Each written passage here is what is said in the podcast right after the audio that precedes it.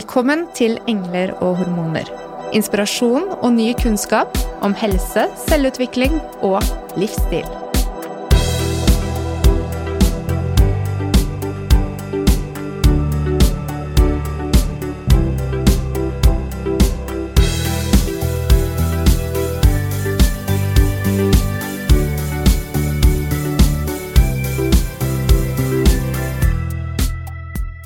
Naturen går sin gang. Du må bare slappe litt mer av. Ikke tenk noe på det, så plutselig skjer det. Alle velkjente utsagn med beste hensikt, men som naturlig nok er ekstremt upassende når det kommer til det å prøve å få barn, og ikke få det til. Denne ukens episode handler om fertilitet, og når det tar lengre tid enn ventet å få det til uten hjelp. Fertilitetslege Jackson Tock veileder oss denne uken gjennom begrepene fertilitet og infertilitet, hvilke tester og hva du kan forvente deg av fastlegen din når du og partner synes ting tar litt vel lang tid. Og vi blir kjent med hva som skjer når dere blir henvist og møter spesialisten. Hjertelig velkommen, Jackson. Tusen takk, Ingvild, og tusen takk, Mona. Det var veldig hyggelig å bli invitert hit. Det er alltid noe nytt som man kunne prøve seg. Ikke Så det er spennende. Dette her er jo noe som rammer ganske mange kvinner og menn eh, i løpet av et livsløp. Det er det, eh, og det er anslått ca. 10 av eh, parene som prøver å bli gravid, eh, de sliter med å bli gravid. Og det er av forskjellige grunner, og det tar ganske lang tid før man innser det og oppsøker hjelp. Mm. Og det er veldig viktig å vite at hjelp, hjelpen fins, og man må bare finne den riktige personen eh, å snakke med. Ikke sant? Så da kan de komme til deg, og kan vi bli litt bedre kjent med deg, eh, Jackson? Hei, jeg heter Jackson Took. Jeg er spesialist i eh, gynekologi og obstetrikk eh, med subspesialisering i reproduksjonsmedisinsk behandling, Det vil Si assistert befruktning. Eh, jeg er utdannet i St. Petersburg eh, State Medical University of Pavlov eh, i Russland, før jeg flyttet hit til Norge i 2008. Eh, jeg er opprinnelig fra Malaysia. Eh, og etter jeg har flyttet til Norge, så har jeg jobbet som turnuslege og startet spesialiseringen min i Sykehuset Østfold. Eh, og I 2017 eh, flyttet jeg til eh, Oslo sykehus og begynte da å jobbe med fertilitet.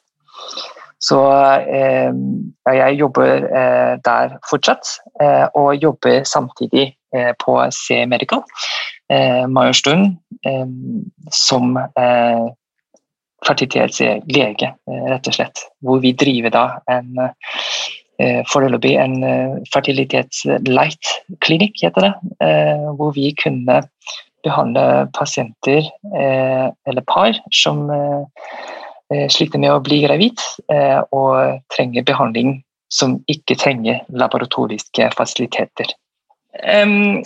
Vi snakker om fertilitet. Eh, hva er fertilitet? Fertilitet er evnen til å bli gravid, og at graviditeten sitter og man skal føde et barn. Og da snakker vi om life birth rate. Og infertilitet derimot, det er da manglende evne til å bli eh, gravid eh, på spontan måte. Um, det kan deles inn i to eh, deler, og hvis man da eh, prøver å bli gravid i eh, over et år, og ikke har blitt gravid, vi kaller det for infertilitet. Hvis vi bruker lengre tid, men ikke har gått over et år, da kaller vi det for subfertilitet. Eh, Det er et begrep, subfertilitet, som eh, ikke noe vi bruker veldig mye. Da. Det er, vi, vi bruker bare infertilitet for det hele. Det er ikke helt riktig. Eh, I Norge så anser vi at eh, hvis det har gått ett år, så er det infertilitet. Men det varierer litt. F.eks. i England så sier de to år. Mm. Ja. Grunnen er at jo lenger man prøver, jo høyere sjanse man kan bli gravid på vanlig måte. Mm. Men er det også noe forskjell når det kommer til alder, og når man bør oppsøke hjelp? Ja, altså jeg pleier å si at eh, alder er den største fienden.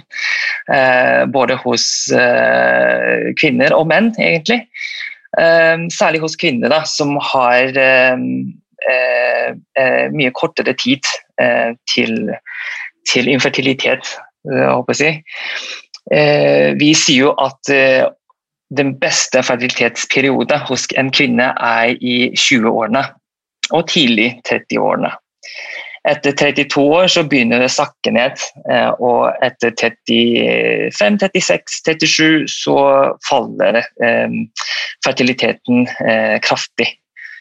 Mm. Så vi anbefaler at har man Tenker man på fertilitet, så, så, så bør man gjøre noe med det. Mm. mm ikke begynn for seint. Det er litt interessant det med uh, å se på gruppe mennesker, men også se på individet. fordi uh, jeg vil jo tenke at det kanskje er store variasjoner mellom personer i forhold til den, det fertile vinduet. Hva, hvor, uh, hvor, viktig er det å bli undersøkt individuelt for å få vite altså, hvor fertil er jeg som kvinne når jeg er over 35 år?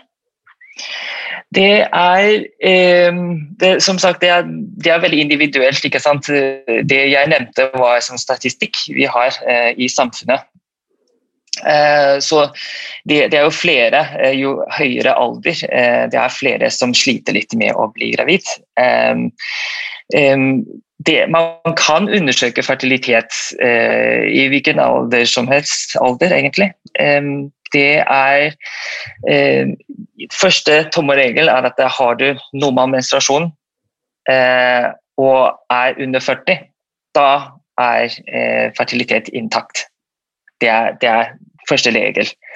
Men når man er nærmere 40, så må man se om det faktisk er eggløsning. Og det er noe tester man kunne eh, gjøre som, eh, som er veldig enkelt å få utført.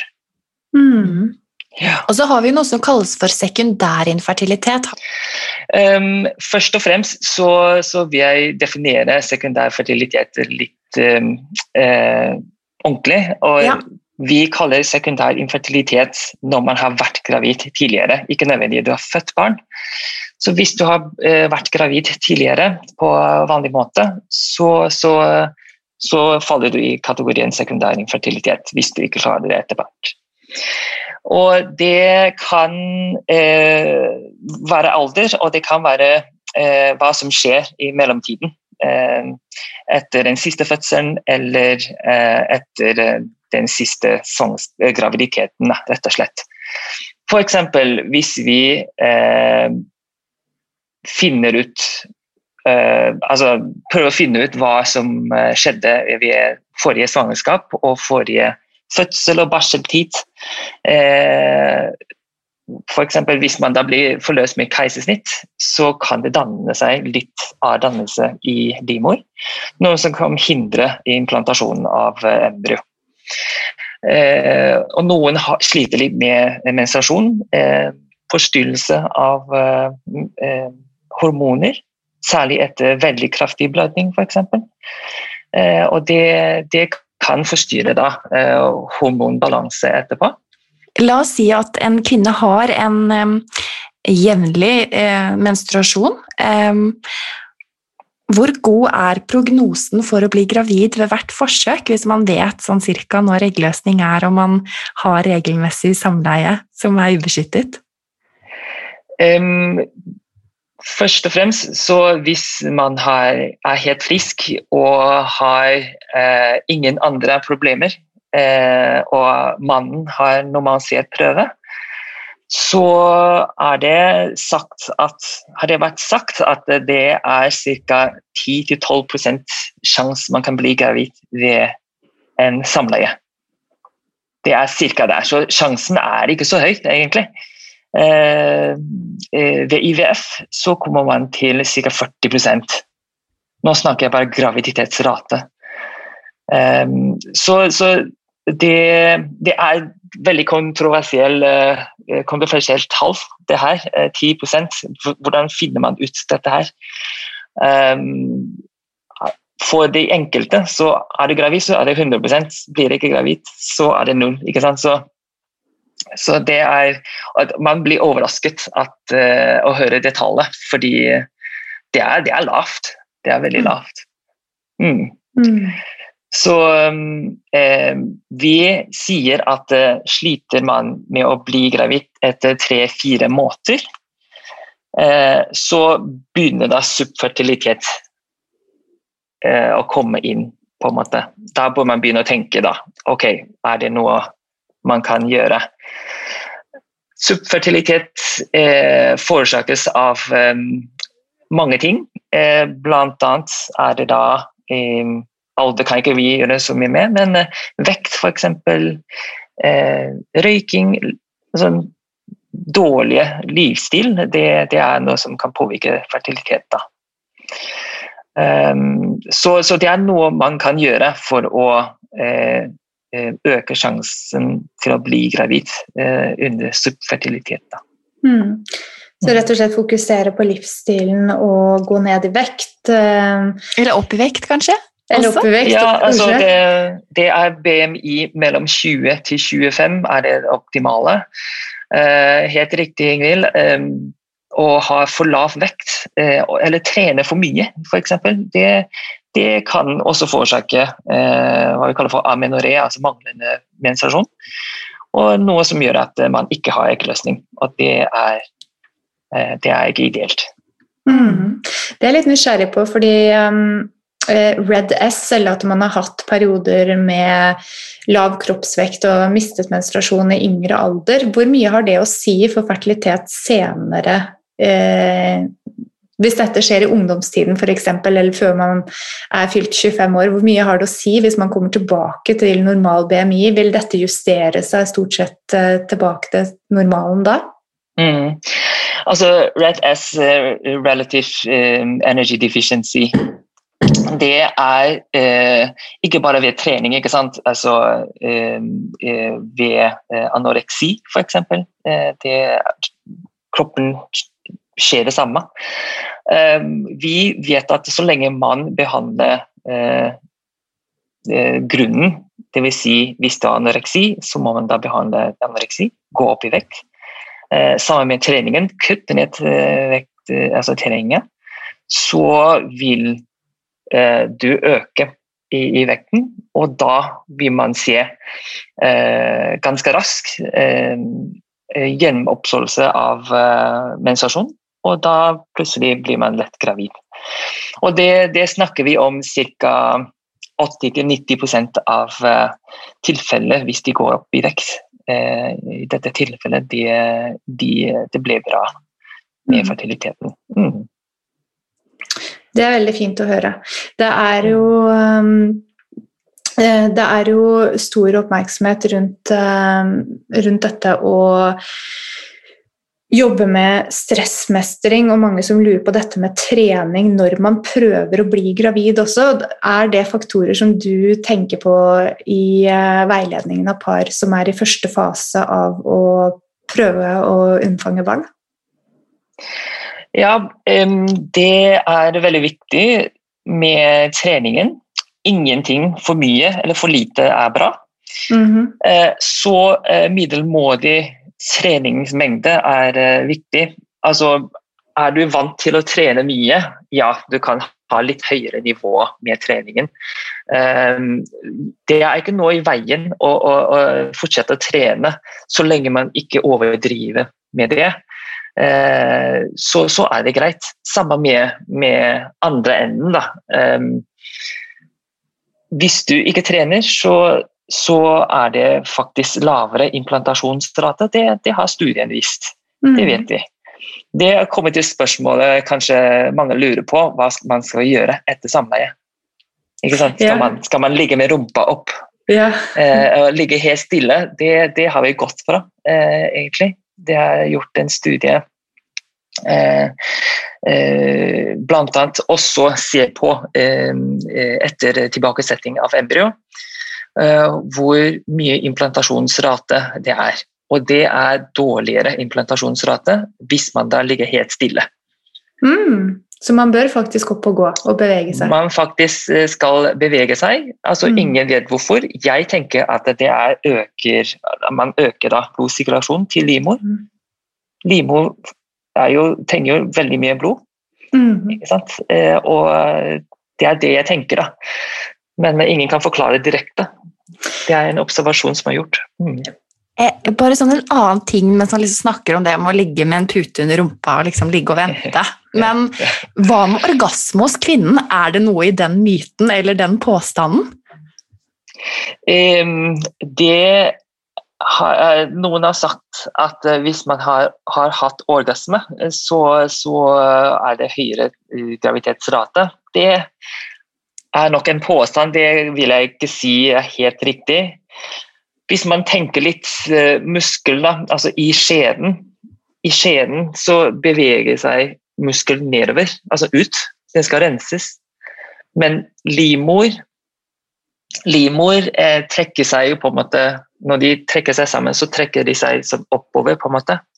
Livmor da eh, trekker seg fra toppen av livmor, så den trekker seg sånn oppover. Eh, men etter, etter orgasme Jeg tenker etter orgasme Eh, og etter samleie så ligger jo eh, sæden i utgangspunktet i skjeden. Den er ikke kommet inn ennå eh, i livmor, så jeg tror det har vært påstand. Men det skader ikke? det skader ikke, bare ha det gøy. det er viktig. Ja. Men på det andre spekteret, når vi snakker om, om trening fordi um, kan vi være litt mer konkrete på å si hvor nivået på den øvre grensen for intensitet er? Eh, mange kvinner er jo glad i å trene og løfter vekter, f.eks. Eh, og der kan man jo si man kan trene styrke på ulike måter, men hvis man trener et maksløft i knebøy f.eks., vil det være negativt for eh, implantasjonen, eller vil vil ikke det ha noe å si i forhold til intensiteten i økten? Mm. Um, for å svare det spørsmålet, så, så må man stille seg selv hva, hvilket nivå du er i uh, ved treningen. Uh, hvis, altså, det er mange som trener for å holde seg i form. Eh, mange pusher, pusher, pusher for å se bra ut. Den pushinga det skal man eh, helst unngå når man eh, prøver å bli gravid. Mm. Mosjon, kondisjon eh, er bra. Eh, cardio er veldig bra. Uten at man La oss si ja, hva skal jeg bruke? Crossfit da, kanskje er litt for hardt. Kanskje. Mm. Syns jeg. Men hvis du er vant til å trene crossfit? Hvis du er vant til å trene crossfit, så tenker jeg at du ikke skal pushe altfor hardt. fordi crossfit vet jeg man pusher og pusher og pusher. Eh, og det, det, bør man helst unngå, mm. syns jeg. Mm. Ja, Men er det da um, eh, er det da studier som har vist at det er lavere sjanse for å bli gravid når man trener hardt?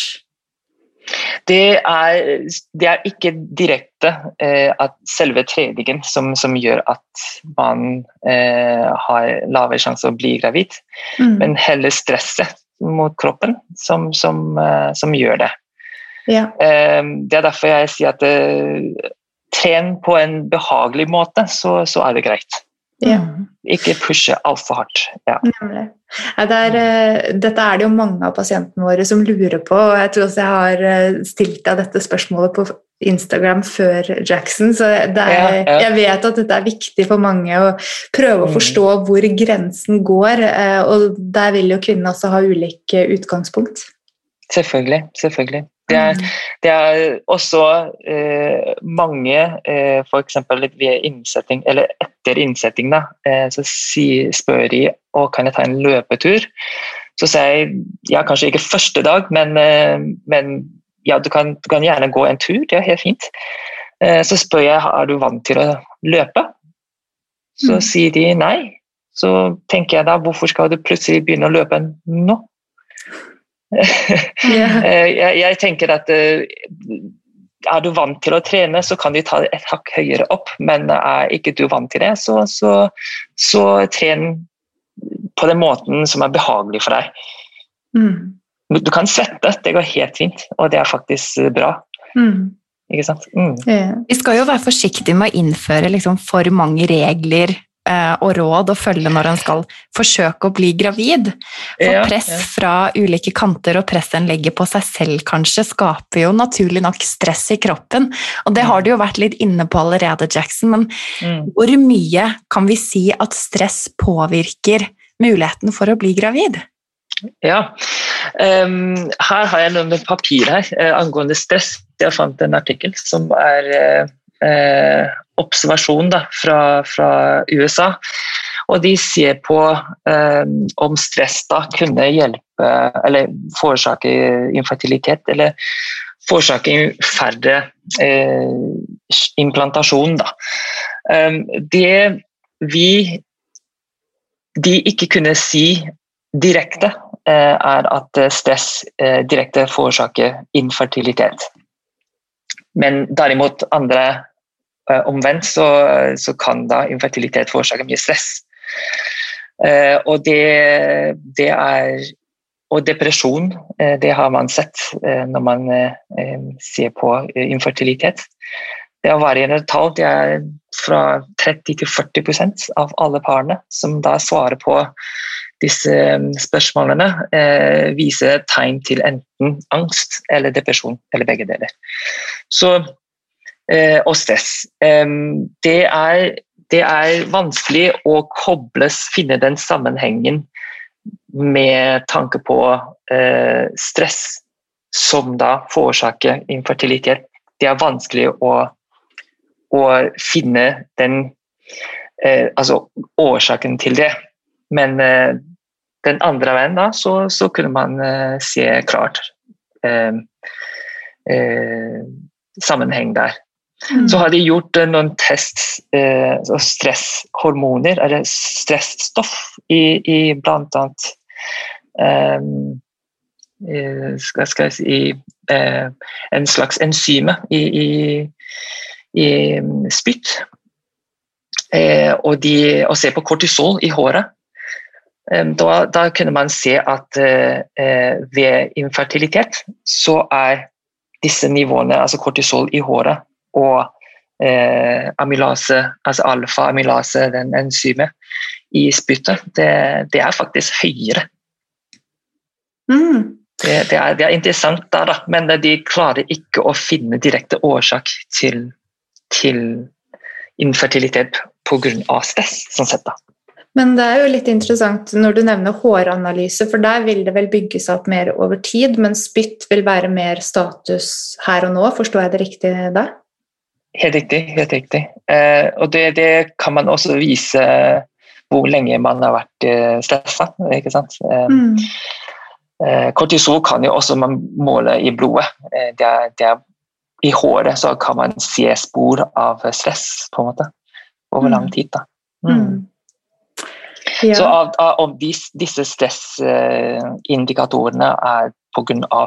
infertilitet, eller om det er det som forårsaker infertilitet. Ikke sant? Så det er vanskelig å si. ja.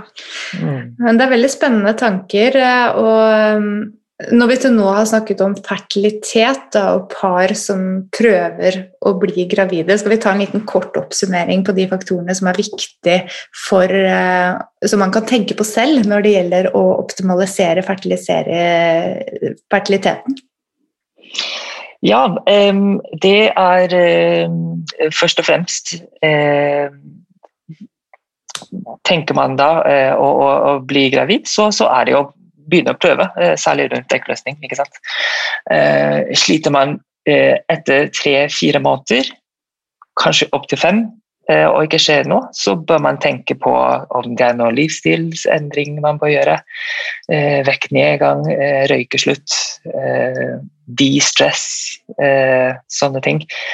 Eh, ja, altså Vi har akkurat snakket om stress det kanskje ikke er eh, noe der, men eh, skulle man begynne med en eh, eh, reise på assistert befruktning, så bør man ha litt sterkere psyken da, som før man begynner. fordi er man stressa allerede, så, så kommer du å møte enda mer stress eh, underveis.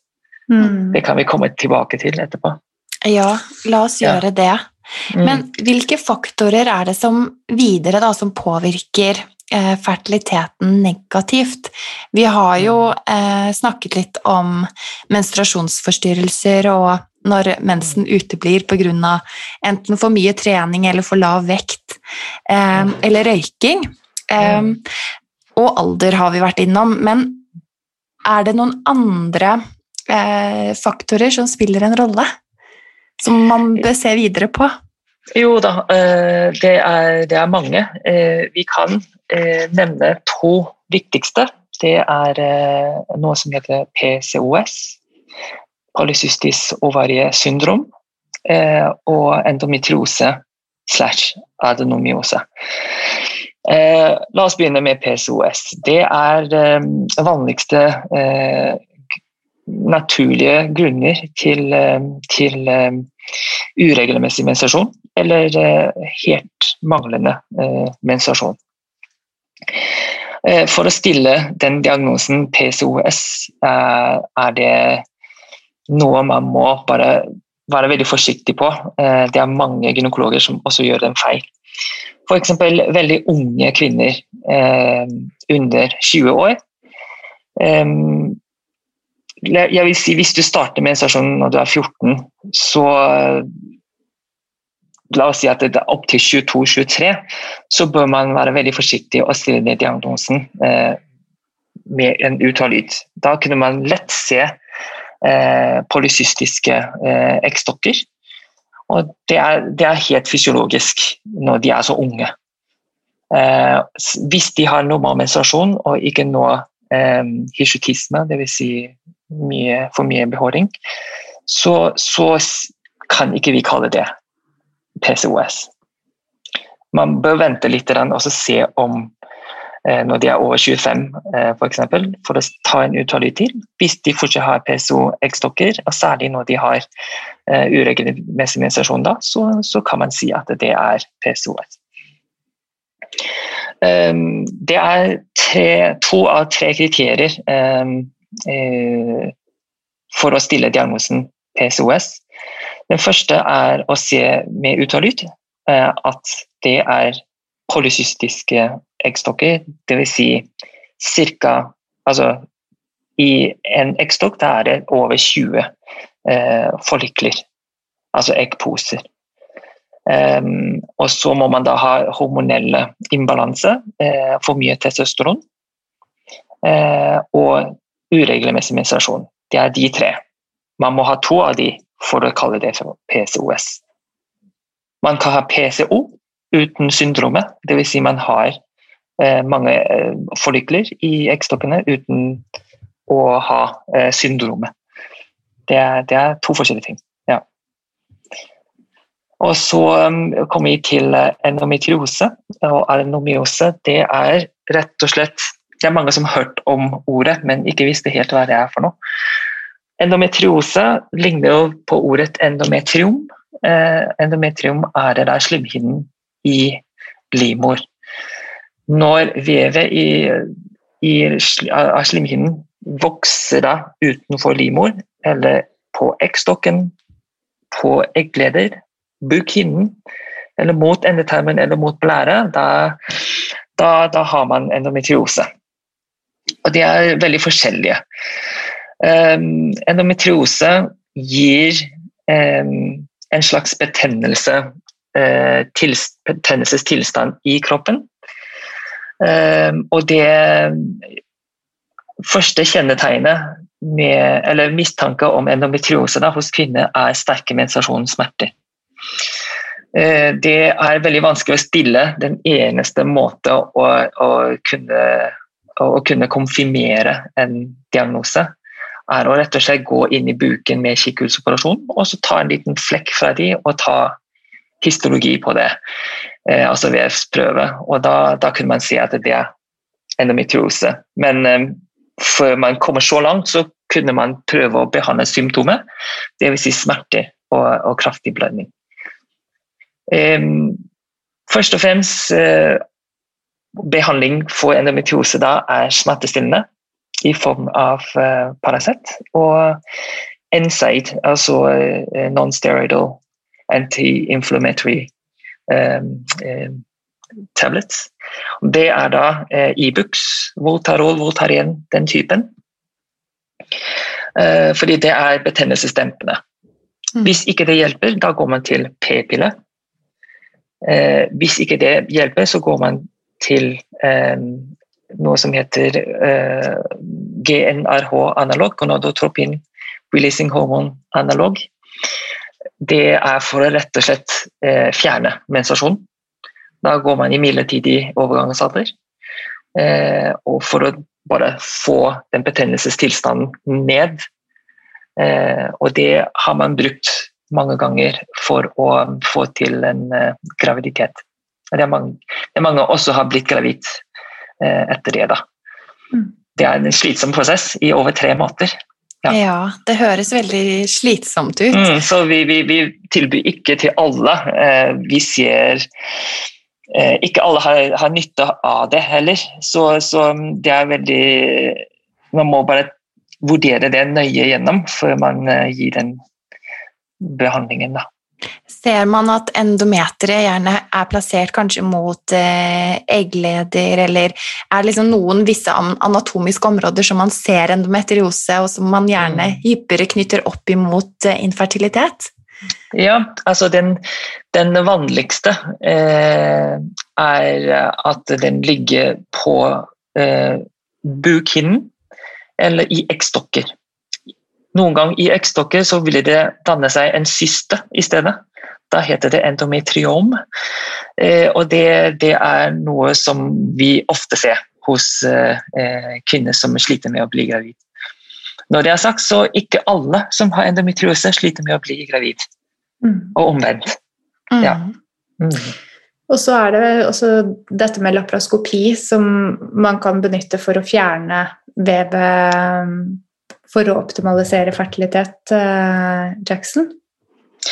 Ja, det, det kommer an på alvorligheten av endometriose. Det er grad 1 til grad 4. Grad 1 rett og slett sier vi da flekker på slimhinnen. Um, og da kan man bare gå inn med skikkelsporasjon f.eks. og så bare brenne bort de, eller klippe bort. Mm. Grad 4 er det så alvorlig at det faktisk f.eks. vokser gjennom eh, tarmen og inn i endetarmen f.eks. Eller inn i eh, omkringliggende eh, organer, f.eks. Eh, blære. Da, da, da, er det mye større operasjon. ikke sant? Mm. Um, I utgangspunktet så, så anbefaler man eh, eh, eh å behandle konservativt for behandling av endometriose. Eh, og for å få ned den betennelsestilstanden for å øke sjansen for å bli gravid. Hvis vi i en infertilitetsutredning mistenker eh, at de har endometriose. Det er det man gjør først. Og hvis man da fortsetter å, å slite med å bli gravid, så, så, går vi inn og opererer bort. Mm. Bortsett, fra, bortsett fra de som har endometriose i eggstokker.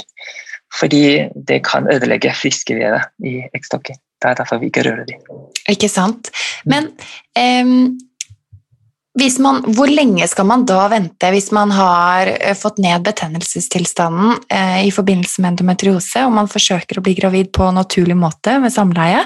Mm. Hvor, hvor, lang tid er det man liksom sier at ok, da prøver vi så og så mange måneder, f.eks.? Eller så, hvor mange sykluser skal man da prøve før man gå videre med IVF, f.eks.?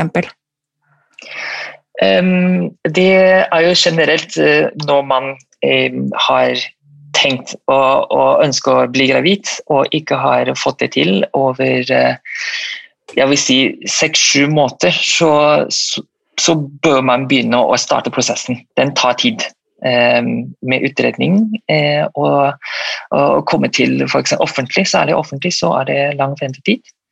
Um, og det er um, uh, Private er det gjerne litt kortere tid, men til og med de har litt ventetid nå. Så, så er det å starte tidlig.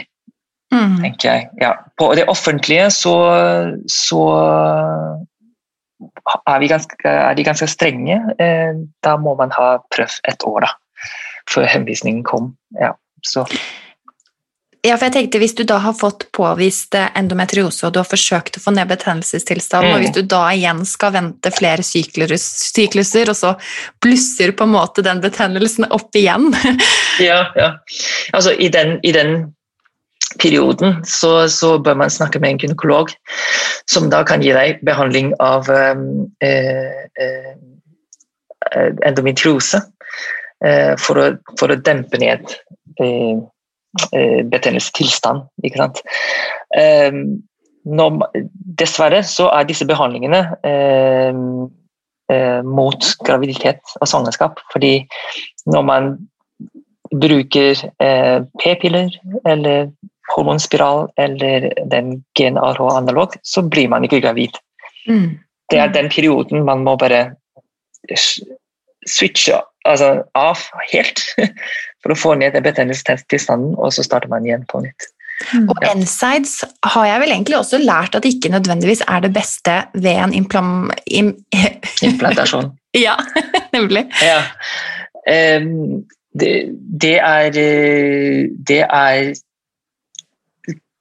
Det har jeg faktisk ikke Jeg kan ikke svare deg om, om, om det er noe som påvirker implantasjonen. Det, men det er ikke bra heller um, å prøve å bli gravid og bruke så mye NSAID. fordi mm. blir du gravid, så er det litt farlig for, for uh, fosteret å bruke altfor mye NSAID. Ja. Mm. Mm. ja. Vi var så vidt innom adenomyose også. Eh, hvordan eh, vil du skissere prosessen hvis det er diagnosen? Hvordan vil disse kulene, da, endometrievev som sitter inne i livmorveggen, påvirke fertiliteten?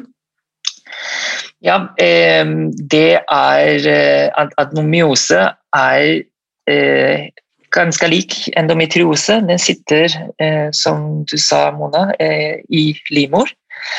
Eh, og det ser vi eh, eh, man kan se ganske tydelig ved en ultralydundersøkelse. Da ser man en oppfylling som, som ikke helt ligner på, på muskelknuter. Og den, den, da kan gi mistanke om adenomyose. Behandlingen er akkurat det samme som endometriose. Det er, det er vanskeligere å behandle det i den forstand at man ikke kan skjære bort veggen. Eh. Så det er, det er, å dempe ned. Eh, få ned betennelsestilstanden ved disse behandlingene som jeg nevnte. Da. Mm. Det, er, det er ganske lik behandling. Når man først har blitt gravid da, med en av disse tilstandene, er det høyere mm. risiko for å spontanabortere eh, enn hvis man ikke har endometriose eller adenomyose? Eh, nei, det, det, øker ikke sjansen for, for abort. Det gjør ikke det. Eh, man sliter med å bli gravid med, med endometriose. Fordi det er en petenstilstand, og den kan støte bort eh, implantasjon og graviditet veldig, veldig tidlig. Mm. Når den fester seg, så, så, så er det veldig sjelden det, det må være andre grunner til spontanabort enn, enn selve endometriose. Men det er jo gode nyheter, da. Absolutt. absolutt. Mm. Mm. Er det um, ja. ja. Fortsett. Kan jeg bare eh, legge til eh, en ting? Endometriose har mest å si om det påvirker graviditet på vanlig måte. Altså å bli gravid på vanlig måte. men når man kommer til assistert befruktning, særlig ved IVF, så så er det ikke stor forskjell med, med eh, graviditetsrate. Um, fordi av den grunn så forbigår eh, IVF-teknikk eh, disse eh, motstanden, rett og slett, kan man si. Um, og de fester seg mye bedre ved en IVF av den grunn. Det, det har vi sett. Mm. Så, så har man begynt med IVF, så, så hjelper ikke behandling av endometriose så mye enn at man ikke har så mye smerte da, hvis mm. man behandler det. Mm. Mm. Så prognosen når man starter med en IVF-behandling, det har jeg lest at ligger på sånn ca. 60-70% og det er jo ganske gode tall? Det kommer an på hva, eh, hva man eh, snakker om. Eh, snakker man om eh, eh, graviditetsrate, eh, da, da, pleier man å ta graviditetsprøve ca. 14 dager eller rettere sagt 16 dager etter eggløsningssprøyte. Eh, og da er det den, det tallet man har eh, på graviditetsrate. Positiv graviditetstest.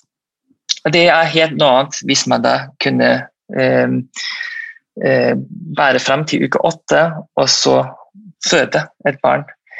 Eh, det er litt lavere, det er sånn 35-40 så, så, det tallet eh, har jeg eh, fortalt mange, og så prøver å forklare. Eh, man, man, kan si at det er høy, 60-70 eh, men det er gravitetsprøve eh, som er positiv. Som er 16 dager etter eggløsningssprøyte. Så det gjenspeiler ikke eh, life birth rate. Det er det som er viktigst. Mm. Mm. Viktig å få frem, da. Absolutt. Mm. Jeg tenker Hvis eh, dette, mm, denne prosessen som vi har vært igjennom nå, da, med å optimalisere fertilitet og prøve eh, som par eh, eh ikke har eh, fungert, hva er veien videre da, Jackson? Hvor, eh, hvis vi oppsøker f.eks. fastlege først, det ville kanskje vært naturlig. Hva er det vi kan mm. forvente oss av videre forløp? Ja, la oss ta den offentlige veien, da. Eh, og da, eh, man, da oppsøker man fastlege, som rett og slett henviser de eh, til, til en gynekolog. som da tar fertilitetsutredning på både mannen og kvinnen. Eller paret. eller single kvinner nå også. Man går den veien, det samme. Da, la oss ta et par, da. Eh, en mann eller en kvinne, så må man da ta eh, hos en gynekolog en gyn-undersøkelse. eh sykehistorieopptak. Eh, eh, og så ta forskjellige hormoner hos kvinner. F.eks. Eh, særlig når de har veldig uregelmessig menstruasjon, så bør man ta fullstendig hormonpanel, eh, kaller jeg det for. Follicle stimulating hormone, FSH luteinizing hormon, LH. Um, eh, eh, Bikjørbukskjertelhormon, eh, altså tiroide Det må man også sjekke. Prolaktin, testosteron. Har jeg glemt noe nå? Sexhormon, binding globulin, SHBG. Sånne ting sjekker man hvis man har veldig uregelmessig menstruasjon. Og Den siste prøven man tar hos kvinnen, er AMH. Det er antimuller-hormon den viser eh, rett og slett eh, lager hos en kvinne. Eh, kvinner er født med et lager av, med egg. De produserer ikke nye. Eh, så ved fødsel så er det ca. 1-2 millioner egg i eggstokkene. Eh, til fertile alder så er det ca. 400 000 eh, eggposer. Eh, men Kommer man til 45 år, så er det bare 1000 igjen. Mm. Så det, mm, den, den, forsvinner uh, med alder. Nemlig. Og de ulike hormonprøvene de tas også på ulike steder i syklus, ikke sant? Um, um, det, kan, det, man gjør da, um, er å ta uh, disse prøvene uh, på dag to eller tre menstruasjon. Da, det er et tidspunkt hvor kroppen er på en måte nullstilt for den blir stimulert igjen. Så det er veldig greit å sjekke om, om alle nivåene er eh, normale. Um, det er en annen prøve den, En annen prøve som uh, man kan ta, er ca. dag 21. Hvis du har en regelmessig menstruasjon. Da. Det vil si rettere sagt ca. en uke før forventa menstruasjon det blir vanskelig for de som ikke har menstruasjon. Men mm -hmm. uh, da, det er for å sjekke om man har hatt eggløsning. Ja. ja. Mm. Mm. Det, det, er de to tidspunktene man tar prøve på, vanligvis. Ja. Og hos menn så, så tar man eh, eh, ser prøve. Er den normal, så gjør vi ikke noe særlig mer med mannen. Eh, er en eh, veldig lav konsentrasjon eller ingen C-celler vi kunne se, da er det helt annen retning man går og prøver å finne sæd. Det er bl.a. med blodprøver også, da. Med hormon og eh, genetisk prøve eh, hos mannen. Ja. Mm. Det, det, er en annen ting som eh, vi kan bruke en annen podkast på, fordi det er så mye egentlig. Ja, det er veldig spennende. Det vil vi gjerne lage. Jeg tenker det er viktig å få frem at vi ikke bare fokuserer på kvinnens fertilitet, at det kan være mannen også som, eh, ja, som har ulike utfordringer. Og hvor mange millioner eh, sædceller er det skal være per milliliter ja, eh, vi, Når vi snakker om normal set-analyse, så ser vi på fire parametere. Volum, eh, konsentrasjon, motilitet og, og, formen, rett og slett. Mm. Eh, volum er ca. 2-3 milliliter. Eh, konsentrasjon er det da over eh, 10-15 millioner per milliliter. Det er normal konsentrasjon. Mm. Motilitet, hvis jeg ikke husker helt feil nå, er det da mellom 37 til 45 eh, motilitet, som da går som er fremover. Eh, og, og, formen da skal da se normal ut med hode, nakke, altså, nakke og altså, hals og hale. Da. Mm. Eh, så det er det vi ser på. Eh, eh, også, vi har også sett en tendens til at uh, prøven er blitt dårligere og dårligere de siste årene. Mm. Uh, det er et dårlig tegn. ja. Det, mm. Har det noe med liksom Jeg har hørt uttrykket at samfunnet femininiseres. Uh, sånn, ja. ja. ja. Mm. Um, har du også hørt om det? Eh, jeg, jeg, skjønner hva du mener. Jeg har ikke helt hørt uh, noen har sagt det sånn uh, ordrett, men uh, jeg skjønner hva du mener. Um, det, det, er Jeg kan Sier man ja, feminisering av samfunnet, eller demaskulinisering av samfunnet, det, det jeg, jeg har ikke noe mening om det, men det er det tendensen vi ser, da, er at sædkvaliteten har blitt dårligere og dårligere. Eh, det er mest sannsynligvis pga. livsstilen. Eh, mm. Sædcellene er eh, mer sårbare enn egg, sånn sett. Mm. Så enhver en stress, f.eks., så feber, så, så, går det ned, på en måte. Mm. Men det er ikke det som er det viktigste. Vi ser jo at kvaliteten er eh, dårligere, rett og slett. Ja, fertilitetsbehandling er eh, for uh, par de, vi må tenke begge to. Alltid, alltid altså It takes two to tango, sier jeg alltid. Mm. Um, det, man, når man ønsker å snakke om, om, fertilitet, så må det alltid være begge to være til stede. Mm. Mm.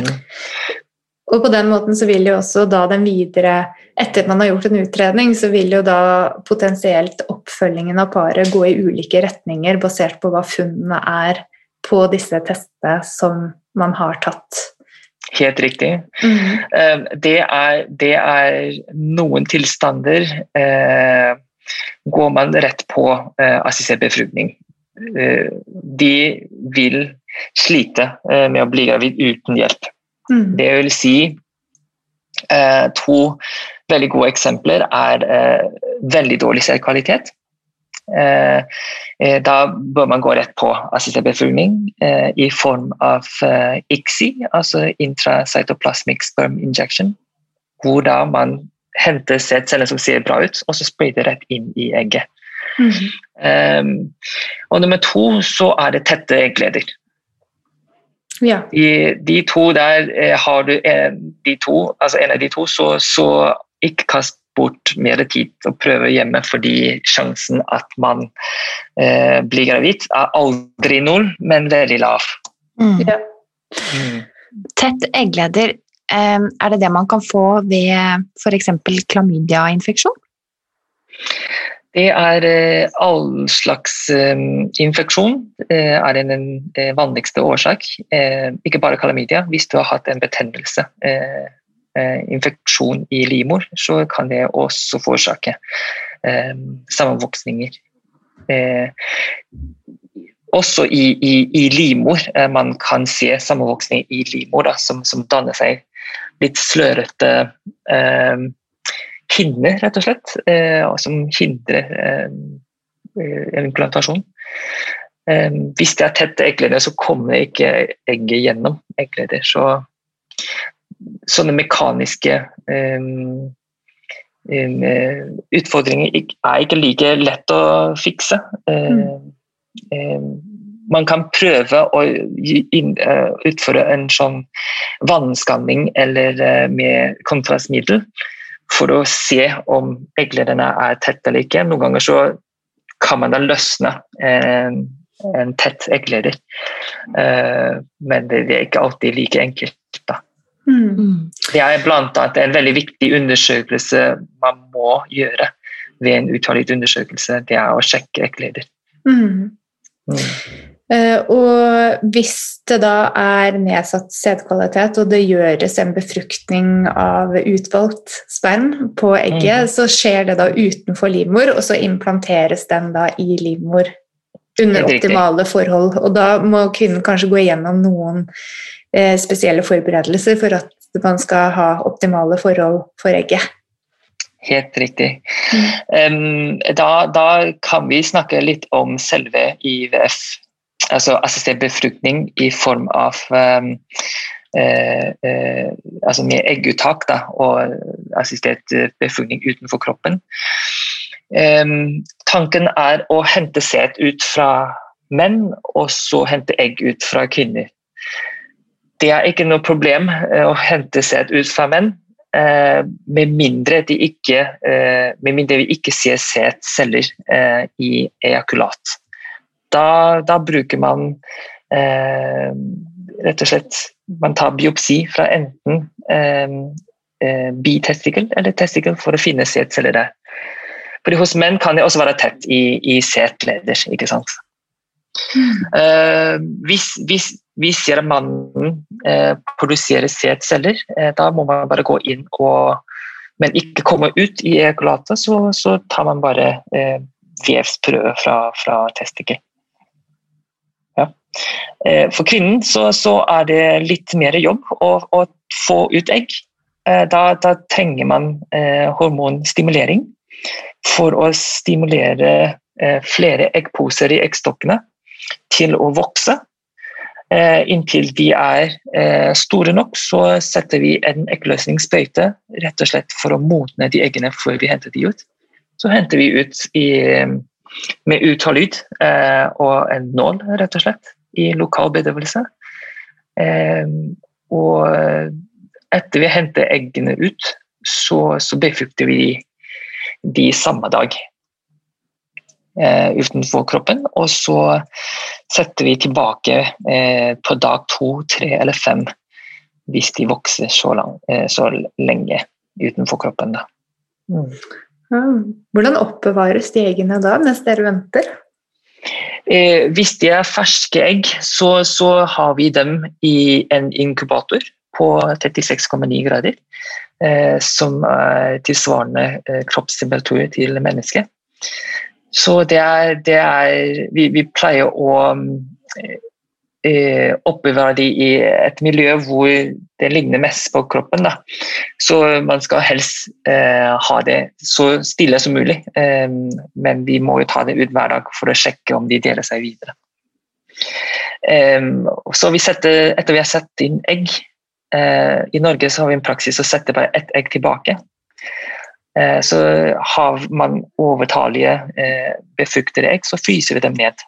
Da fryser vi dem ned i var det 192 minusgrader eh, med nitrogen. Ja. Så det er kort fortalt en, eh, en assistert befruktningsprosess. Hvordan er det for kvinnene å gå igjennom denne hormonelle prosessen? Hva er din erfaring, Jackson, på hvordan de har det eh, i hele denne ja, kunstige egentlig fertilitetspåvirkningen? Da? Ja. Selve Altså, de fleste har jo ikke noe problem å starte prosessen eh, og sette sprøytecell og, og, få informasjon om selve behandlingen. Det, det er ikke noe særlig problem. Um, jeg tenker at uh, noen få vil få da um, bivirkninger. Det, man kan bli veldig hormonell. Uh, og man kan få litt ubehag, når, særlig når eggstokkene vokser. Eh, den, den, kan gi pressfølelse i, i nedre bekken.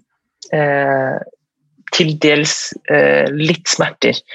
Hvis man har veldig smerter, så har man nok blitt veldig hyperstimulert. Da er det en annen tilstand man må da ta kontakt på. Um, jeg syns at under behandling er det, det, det stressfaktor som er mest pregende, tenker jeg. Alle er uh, altså håpefulle, ikke sant. Uh, og de, de, ønsker så gjerne at det, det skulle skje etter første mm. forsøk. Uh, og den skuffelsen kan man ikke beskrive, rett og slett, når man får en negativ test. Så det er noe eh, man bør være forberedt for eh, når man går i en slik reise. Snakk gjerne med et par eller en som, som har vært gjennom dette her. Eh, det er jo veldig tabu eh, tema eh, med infertilitet. Mange holder skjul for andre. Eh, det er absolutt deres valg, men det hadde vært enklere hvis de kunne dele dette her med noen. Og det er veldig viktig, eh, syns jeg. Mm. Mm, å ha støtte. Og kunne snakke rett og slett om, om det. Ikke mm. sant?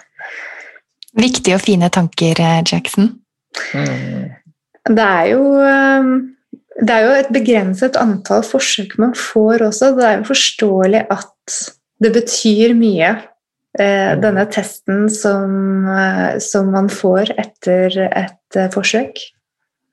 Ja, det, eh, det er tre forsøk eh, på den offentlige. Det er sånn at man kunne Første gang så, så eh, bestemmer man dosen og bestemmer en type behandling ut ifra den informasjonen man har. Stort sett så, så treffer man veldig riktig. Av og til så så um, er det overraskende at man har for lite respons på stimulering, f.eks. Eh, eller for mye, så, så, kunne man da eh, justere til eh, forsøk nummer to. Så for hver gang som går, så optimaliserer man eh, behandlingsplanen, rett og slett. Vi kunne også se hvordan eggene hvordan de befordringsrate er, om sædcellene klarer å befrukte eggene. Det er sånne ting man kunne se under et forsøk, og lærer man av det. Og så På nummer to så er det noe ekstra man kan gjøre for å korrigere disse feilene, da, rett og slett. Mm. Mm. Det er derfor vi har tre forsøk. Eh, de fleste eh, får jo barn eh, etter en til to forsøk ja. Og, og et forsøk kan inneholde flere innsettinger. Vi snakket jo om at man kan da eh, fryse ned ekstra embryo som eh, ikke vi bruker der og da. Så slipper man å gå gjennom hele prosessen. Eh, da, så vanligvis så har man eh, flere innsettinger per forsøk. Da. Ja. Um, hvor eh, Det er sikkert vanskelig å si, og det har med stimuleringen å gjøre også, men er det noe sånn normal for hvor mange egg man får ut i et uttak? Vi eh, har eh, vi ønsker da å få ca. 8-12 egg. Mm. Eh, og det er en fin eh, balanse mellom for lite og for mye. For mye så, så er de nok litt overstimulert. For lite eh, har vi da færre egg å jobbe, jobbe på. Mm. Så åtte, 8-10-12 er veldig bra. Mm. Mm. Og så um, er det også noen som ønsker å gå igjennom dette for å planlegge for svangerskap. At man, at man tar ut egg og fryser ned. Er det da samme type prosess som kvinnen går igjennom? For å rett og slett eh, hente egg ut, for å få egg ned i frysing, det er akkurat det samme. Bortsett Mm. fra at vi ikke eh, befrukter eggene, og så, eh, og så setter inn. Mm. Det, det er helt det samme. Mm. Hvor lenge kan de oppbevares, da? Eh, akkurat nå så er det kun private som, som tilbyr dette her. Så lenge du vil, Mm. rett og slett. Mm. Ja. Så lenge du vil. Det handler om penger, rett og slett. Ja. Akkurat nå. Ja. Mm. Um, um, jeg tviler på at uh, sykehus um, ville tilby akkurat dette tilbudet til på offentlig til uh, kvinner med hva vi kaller for social freezing. Det, det tviler jeg på vi uh, altså på sykehuset kommer til å tilby det. Rett og slett pga. Um, kapasiteten, tenker jeg. Mm. Og så er det jo eggdonasjon da, som også er en, eh, Ja. er en mulighet dersom det er noe galt med selve egget. Absolutt. absolutt. Eh, eggdonasjon eh, eh, har man lov til å gjøre nå, siden var det juli, 1. juli i fjor. Så har det vært en stor endring eh, i eh, bioteknologiloven. Så det er, det er et tilbud som mange har spurt om eh, på det offentlige. Jeg vet private har begynt å gjøre det. Vi har ikke startet, også pga. kapasitetsproblem eh, hos oss, eh, eller på det offentlige. Så det er, det er noe Er man interessert i det, så, så er det private man kan gå til. Eh, så for, for donorer så er det samme prosess. Eh, for assistert befruktning, eh, for egguthenting. Eh, og tilbakesetning til eh, kvinnen som tar imot egget. Så, så kan man da eh, gjøre Eller man kan synke, slik at de har eh, samtidig eggløsningsperiode, at vi kunne sette egg tilbake på fersk. Men stort sett av logistikk eh, så fryser nok man ned og så setter inn eh, i, eh, i kvinnens syklus, da, altså mottakerens syklus, på en måte. Mm. Mm. Hvis man har et par av like kjønn, eh, to kvinner der eh, en eh, ønsker Der de ønsker å bli gravide, eh, hvordan får de da tak i eh, sperm? Det er eh, Vi har eh, en donorregister på det offentlige. Også hos private så har de ja, Ikke alle har det, men de fleste vil jeg tro har egen sædbank. Hvor man da kan benytte de. I Norge så er det anonymisert donor inntil eh, barna blir 15 år, så kan de oppsøke eh, donoren. Ja. Mm. Og det Man kan dessverre ikke bruke donor som man kjenner. Nei, nemlig. Mm. Men eh, hvis man da drar til andre land, finnes den muligheten andre steder? Det er lokale regler som, som gjelder. Eh, ja, det er mange land som tilbyr eh, eh, eh, sæddonor, absolutt. Mm. Eh, og eggdonor. Vi, de, det, er, det er mange land som tilbyr begge deler. Eh, men i Norge så kan ikke vi dessverre ha noe som det heter dobbel eh, donasjon. Mm. Eh, det vil si at man eh, få eggdonor og sæddonor, og så du bærer frem barnet selv. Det er en slags surrogati som ikke da er lov i Norge ennå. Mm. Mm. Da har vi fått en, en liten eh, ja, en ganske eh, kort innføring eh, når det kommer til eh, assistert befruktning og hvilke alternativer som finnes. Og jeg, ja, jeg syns vi har lært så masse i løpet av eh, ja, det som nå er blitt faktisk en hel time. ja, ikke sant. Tiden går fort når man har det gøy. Ja, ikke sant? Og her er det veldig mye nytt som jeg har lært meg, i hvert fall. Hva med deg selv, Mona? Ja, altså jeg har eh, fått muligheten til å bare lære noe selv, men også å stille spørsmål på vegne av pasienter som lurer på ting. Og jeg sitter med et par til faktisk, Jackson, som ikke jeg ja. har fått eh, tømt meg for. Så jeg lurer på om ja. jeg kan få sjansen til å stille, meg, stille, de også. For det er noen som lurer på om det er en myte at hvis man har født første barn før fylte 35 år, så er den biologiske klokka og nedgang i fertilitet mindre prominent? Um, det er myte. Det er mm. myte. Altså, klokka, biologisk klokke uh, ser ikke på om du har født et barn før 35 eller etter 35, dessverre. Mm. Den, den, går bare ned. Mm. Vi vet av erfaring Jackson, at når vi kommer med en episode som denne, så kommer mm. det til å komme massevis av spørsmål. Og vi håper at du kan hjelpe oss i sosiale medier denne uken til å stille opp litt for lytterne våre, som sikkert har veldig mange flere spørsmål. Absolutt, det er ikke noe problem. Mm.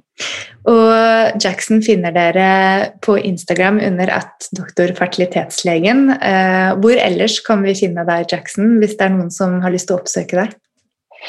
Jeg jobber på C-Medical, så eh, det er jo bare å ta kontakt eh, på C-Medical, eh, eller gå på nettsiden cmedical.no mm. på Majorstuen. Så finner dere meg der hvis dere har noe dere lurer på og ønsker fertilitetsutredning. Mm. Tusen takk for tiden din, og tusen takk for at du delte av din kunnskap med oss i dag. Bare hyggelig, og det er en uh, glede å være her. Ha det. Ha det bra. Vi høres. Det gjør vi.